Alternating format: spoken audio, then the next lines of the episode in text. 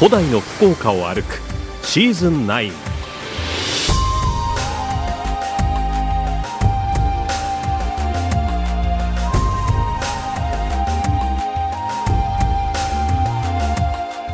遥かな昔海の道からそして陸路を通じて福岡にはさまざまな文化が入ってきました。その足跡を訪ねる古代の福岡を歩くシーズン9この番組は宮山市の企画協賛餃子の山八道の駅宗像草と共に生きるオーレックの提供でお送りいたします。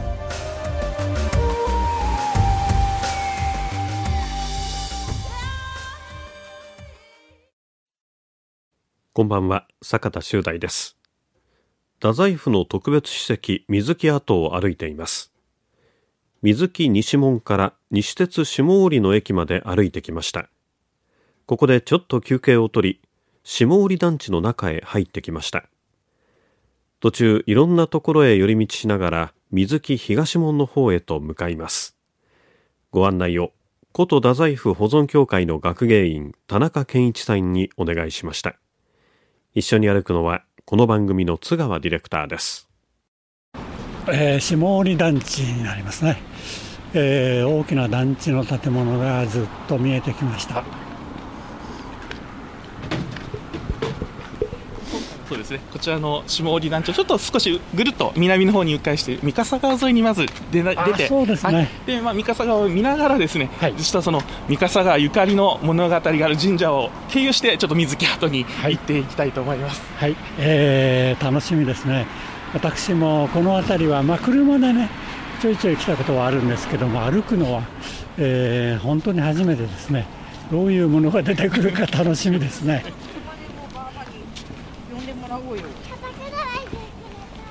やっぱり1300年前の古代を楽しんでいただいてやっぱりこう自転車、車よりもやっぱり歩いていただくことがですねやはりごじっくりいろんなものですね、発見が見えてまいりますので、はい、えー、歩かないと見えるものも見えないということですよね今日はゆっくり歩いていきますそしてあのー、今気がついたんですけどもあのー、まあ、川幅はかなりあるんですけどこれにこの川にかかってる橋っていうのがあんまりないですよね。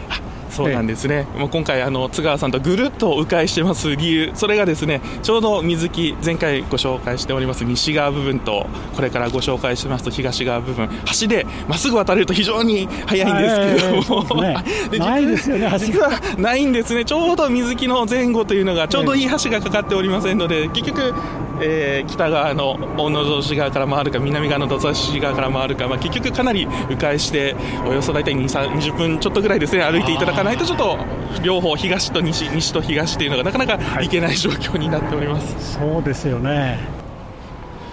えーと、団地の中をぐるっと回ってきたんですけども、はい、えー、橋が遠いですね、えー、追松神社があそこは大松神社ですよね。あの今、津川さんと三笠川沿い歩いてきました。は、はるか先というとあれですけど、ちょっと先にですね、はい、あのかかってる橋が見えてまいりました、であちらがあの水木橋と、あのはい、という、はい、もうそのまま地名を取った橋の名前なんですけども、ちょうど大野城市の下織と太宰府市の水木をこう結ぶ橋になっております、はい、でその橋の右手側、歩いてみますと、ですね綺麗な緑色の、えー、こう吹いた屋根が見えてまいりますが、はいはい、そちらが大井松神社になっております。あわかりました、えー、はるか遠くに えー、大井松神社があ見えております、えー、対岸に、えー、そうですね水色の屋根ですね、えー、を吹いた神社がありますね。あれは神社の本殿になるのでしょうか、えー、そういう神社が見えますそして左の方を見ますと橋がかかっております。あの橋までまだ まだかかりそうですね。じゃあせっかくでもうこの見えるところで少し今回のご紹介をしたいと思うんですけれども、はい、はいえーまあ、この今ご紹介しています三笠川、えー、本満山から流れてきまして、まあ、だいぶこの水木辺りは川幅が広がりましてそのまま、まあ、穏やかな流れで博多の方まで流れていって、えー、玄界灘に、まあ、注ぐという川になっておりますけども実はこの水木橋がかかっておりまして大井松神社のちょうど裏手側三笠川に面したあたり、はい、この辺りが実は昔からですね地域の人は水木の私と呼んでまして、はい、ちょうどあの昔から私場だったというふうに、はい、言われてちょうどあの歩いていただいて見ていただくとちょうど川幅また少し狭まってますのでちょっと渡りやすい部分だったのかなという気もいたします。川幅がえー、ちょうどあの辺ちょっと狭くなってますね。はい、でその辺りが多分ですねこうちょうど地域の人もちょうど対岸に渡るので便利な場所だったなと思うんですけども、はい、この大井松神社の裏側が実は非常に太宰府の伝説の場所でもございまして、はい、でやはりまあ太宰府と言いますと、あのー、一番最初に思い浮かべる人物というのは皆様あの菅原道真公かなと思うんですけれども、はいはい、あの地元では古くからですねこう菅原道真公、まあ、901年に、まあ、今日から左遷されまして、はい、まあ、太宰府に流されてくるわけなんですけども、まあ、この水木地区ではですね古くから、まあ、道真公は博多の方に疲れてそこからあの三笠川を船で登ってこられたというふうに伝えられております。でずっと三笠川を登ってきましてこのちょうど大井松神社の裏のちょうど水木橋がかかっているあたりで船を降りられて太宰府の地に上陸した、まあ、道真公上陸の地だというふうに伝えられている場所になっております。この、まあ、道真公が上陸された場所っていう伝説はここだけで終わらず実はつながってまいりましてはい、でここで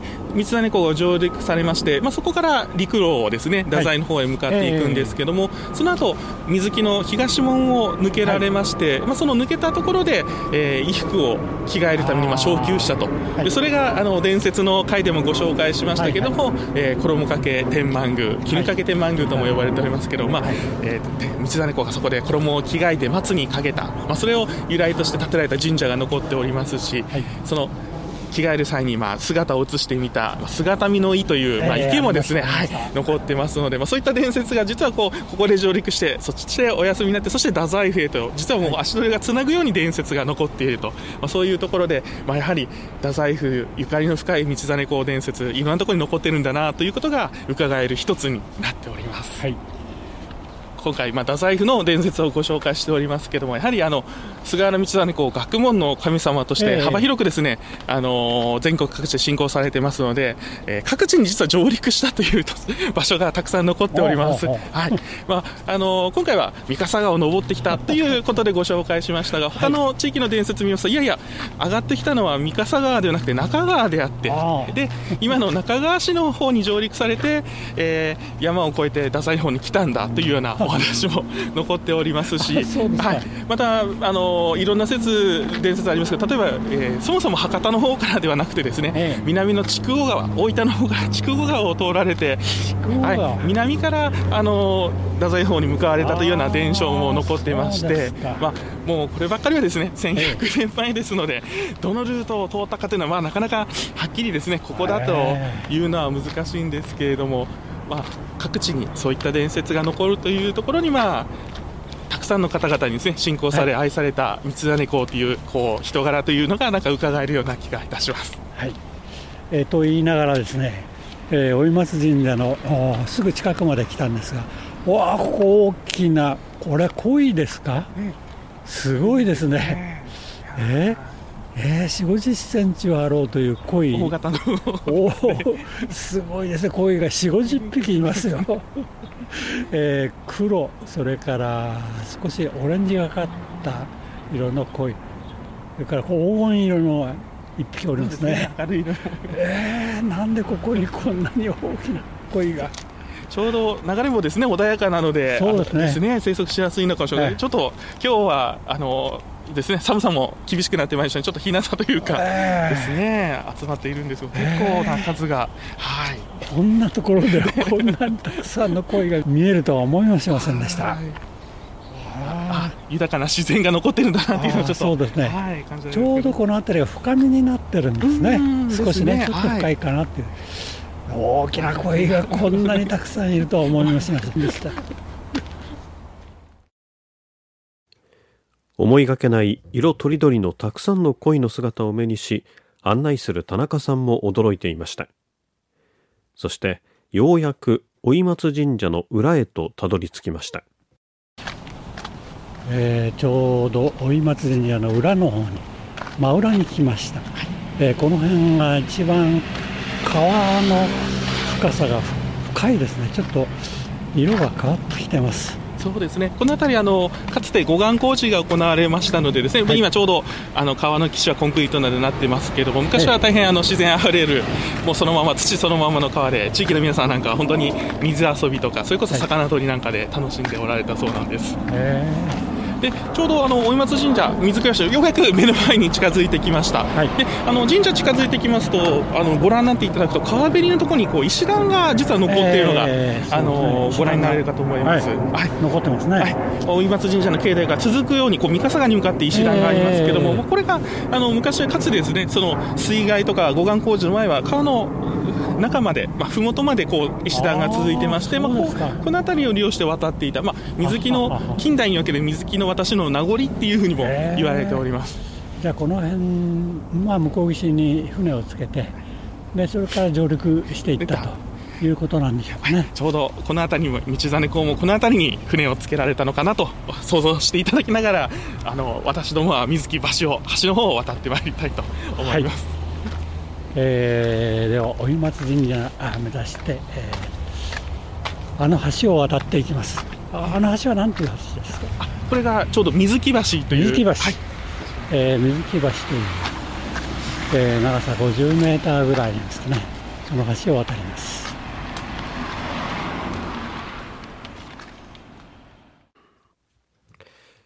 そして水木橋を渡りましたいよいよ太宰府市側に上陸いたしましたえー、っと今水木橋という橋を渡りました入り口の方に向かっていきます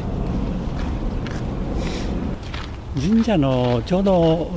真裏から入ってきたという感じがしますね。そうですね。あのー、皆様の地域の神社ですとこうまっすぐ参道が伸びているパターンも、はい、が多いかなと思うんですけれども、こちらの水木の大井松神社様はこう少しカクッと鋭角に途中で、はい、曲がりまして参道を進みまして鳥居のところでカクッと、えー、鋭角に曲がりましてそしてその先に、えー、拝殿と本殿があるというはいえー、ちょっと奥の方に鳥居もございます。はいあここに鳥居があります。あの追松神社あ追松神社とちゃんと書いてありますね。えー、ここからあ50メーターぐらい先に本殿があります。ああやっと来ることができました。本当にあの境内にねいろいろとあの、まあ、近くの神社から、えー、こちらに持ってきたというね小さい、えー、祠が123つありますね。そうですね。あのちょうどあの周辺のところからですねこう境内に移された仏様、はい、また石仏なんかも一緒に、ねはい、大切に祀ってある神社になっております、はいでちょうどですね、まこの神社自体、大井松神社さん自体の歴史をたどっていきますと、はい、あの創建など、建立など、こう古い詳しい時代っていうのはわからないんですけれども、はい、こちらあの昔からやはりあの地域の氏神様として大切にされておりまして、あはい、あの明治5年にはあの水木村の孫社村の社ですね、はい、孫社に指定されていますので、やはり、まあ、古くからこの地域の代表するあの鎮守としてですね大切にされてきた神社ということで、あの追松神社ですので、祀ってあるのは菅原道真公が祭神として、はい、はい、祀ってある神社になります。はいえー、っとこの神社本殿の左側ですね、えー、西側の方ですね、えー、畑が広がっておりますね。えー、そしでさらに左側に、えー、高速道路が走っているというのが見えますね、えー、そしてその畑がまあ何百メーターかおそらくつながっているんじゃないかと思いますがこの本殿のすぐ西の方ですね、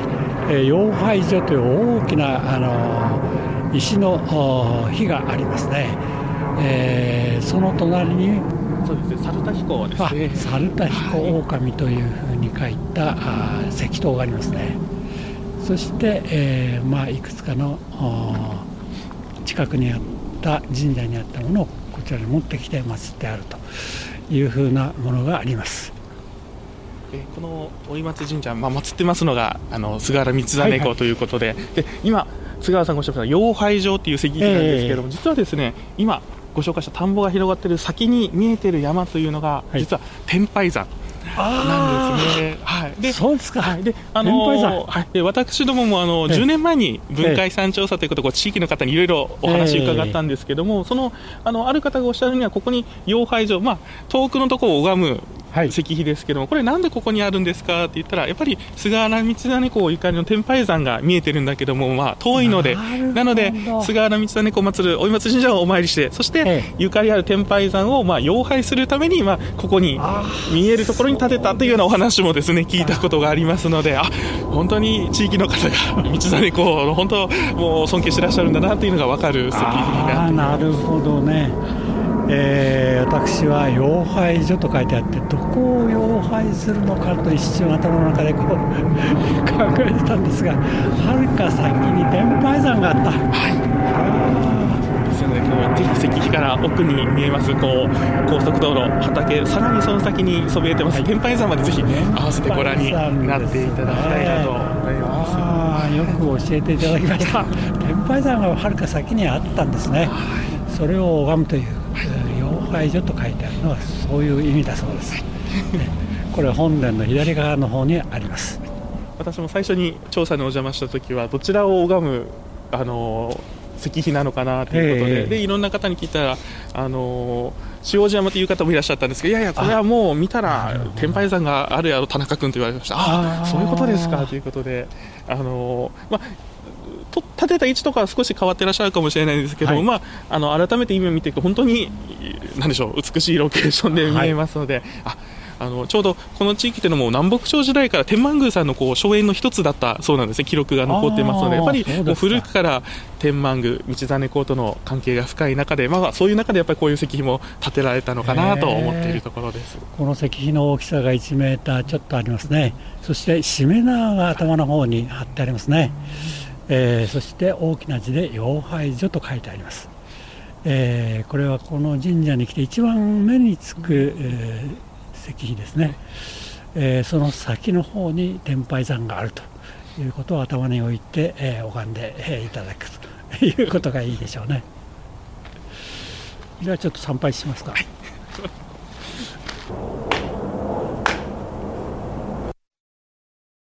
参拝した後は水木東門を目指して歩いていきます。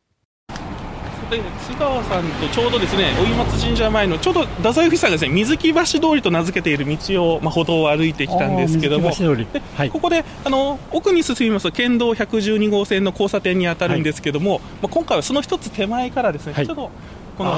道右,、はい、右手に曲がる小さい道があります。こちらの方に曲がってですね、あののんびりと文化遺産を見ながら。ゆっくり歩くのはこっちの方ですね。水木橋を渡って追松神社へ行ってという感じですね。で東門の方へ行くと。ちょうどあの津川さんと歩いてきまして、まあ、右手にですね三笠川の土手が広がっているんですけども、はい、ここからあの左側の国道3号線と九州自動車道を通る八反田の地下道というところがあるのでそれをくぐって向こう側に行こうかなと思うんですが、はい、実はこの集落を抜けて地下道に向かう途中この先が一つですね面白い地名が残っておりましてで実はこの太宰府市ちょうどですね水木の浄水場から八反田地下道を抜けていこうというその周辺にですね実は古い小技で古門畑古門畑はいえー、漢字で書きますと古い門の畑と書く。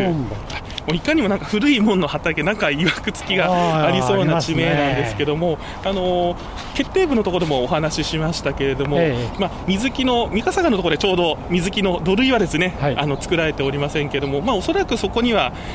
ただ自然の三笠川が流れてたんじゃなくておそらく門があった。んだろうと。まあ、もしかすると古門畑古い門の畑というのはそういうところから来てるんじゃないかなと。なるほど。でまあ、太宰府市になんかゆかりのある地名がですね、あの歴史の散歩道でもご紹介しましたけどもあのいろいろ残っておりますけれどもこの古門畑面白いですね、はい、で実はこれを裏付けるようにですね、ええ、今歩いてきます、まあ、右側を流れている三笠川、はい、この三笠川の川底からあるものが実は見つかったわけなんですね。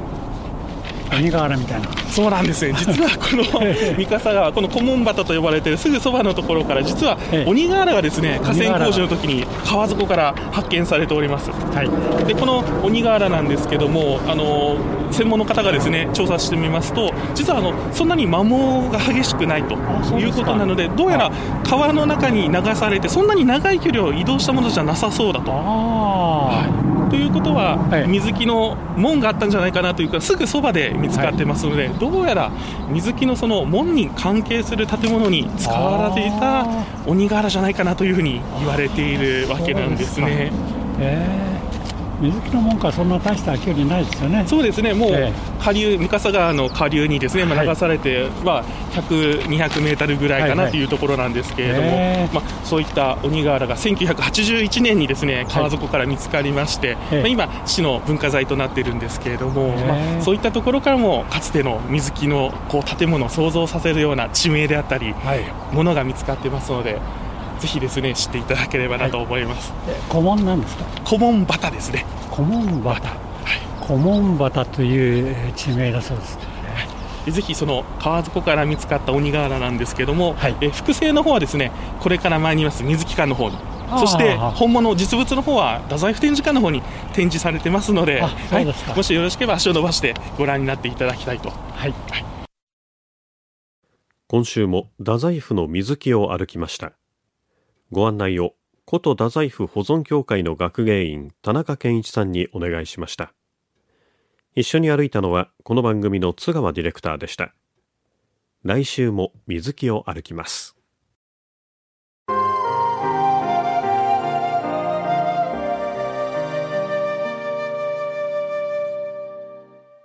ここで古代の福岡を歩くリポーターの中島理恵さんです。こんばんは。こんばんは。さあ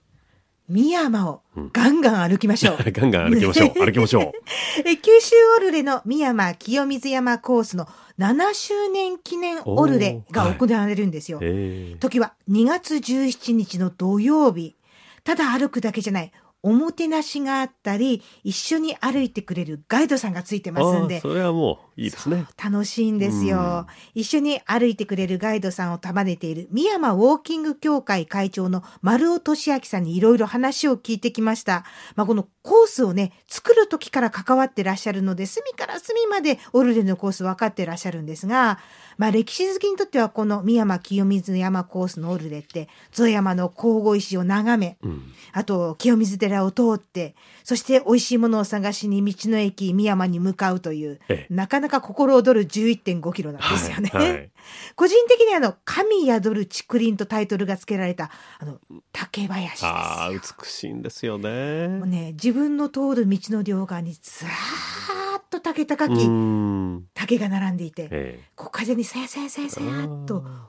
そよぐ音がして。で、時折光がさーっと差し込んでくる。まるでね、降ってくるような光のこう感じがね、ああ、私は今、かぐや姫っていう感じになるんですよ。なるほど。今、勘違いみたいな笑い方をしましたね。い いんです。丸尾会長も、いや、あそこはみんなに人気なんですよとおっしゃってました。季節的に実施される2月の17日、うん、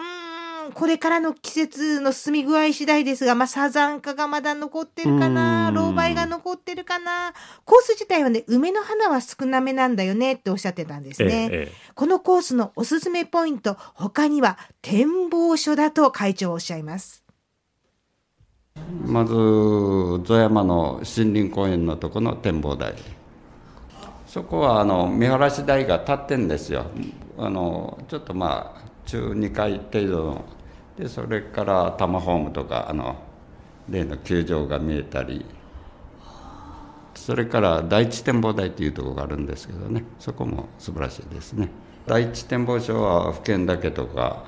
もう天気いい時は有明海パッと見えますから、ね見晴らしいいですね。そうなんですよ。そしてこのオルレのコース、構成の時から絶対ここは外せないとして実現したここもおすすめだそうです。清水寺ですね。あそこは入れてますね。で、あの参道ですね。あそこなかなかな雰囲気ですよね。そうですね。まあ1200年の歴史を感じる古い参道ですよね。あれは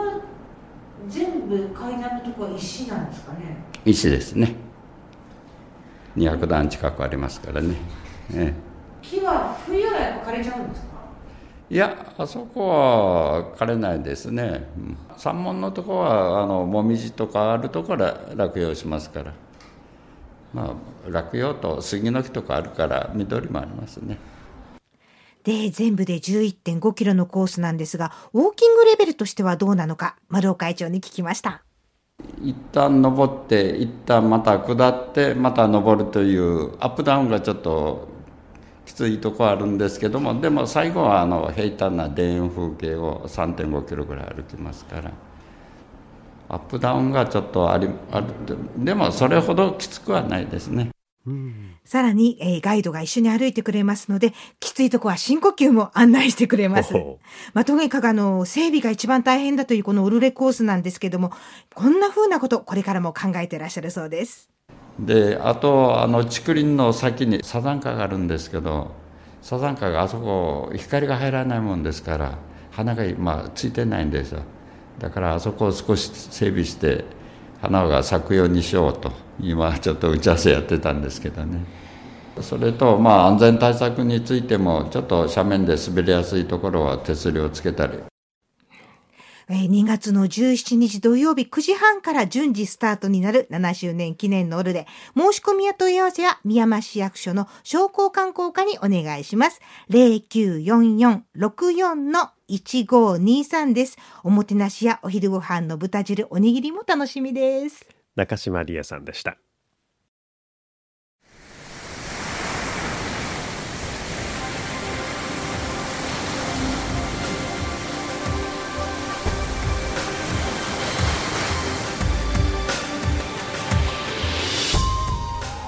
番組からのお知らせです。この番組のホームページのご案内です。これまでの放送内容と番組を1回目からじっくり楽しむことができます。RKB ラジオのホームページの古代の福岡を歩くシーズン9のバナーをクリックしてください。また Apple、Google、Spotify、Amazon、YouTube など各ポッドキャストでもお楽しみいただけます。この番組は宮山市の企画協賛餃子の山八道の駅宗像草と共に生きるオーレックの提供でお送りいたしました。ご案内は坂田修大でした。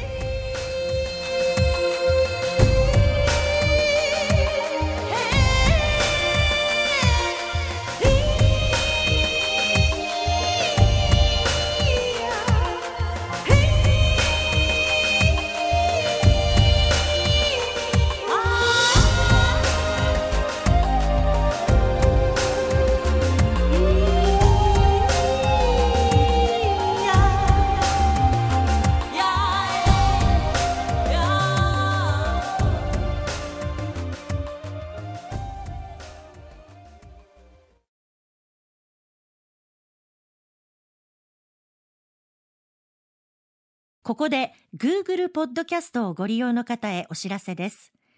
Google ポッドキャストは2024年6月23日をもってサービスを終了します。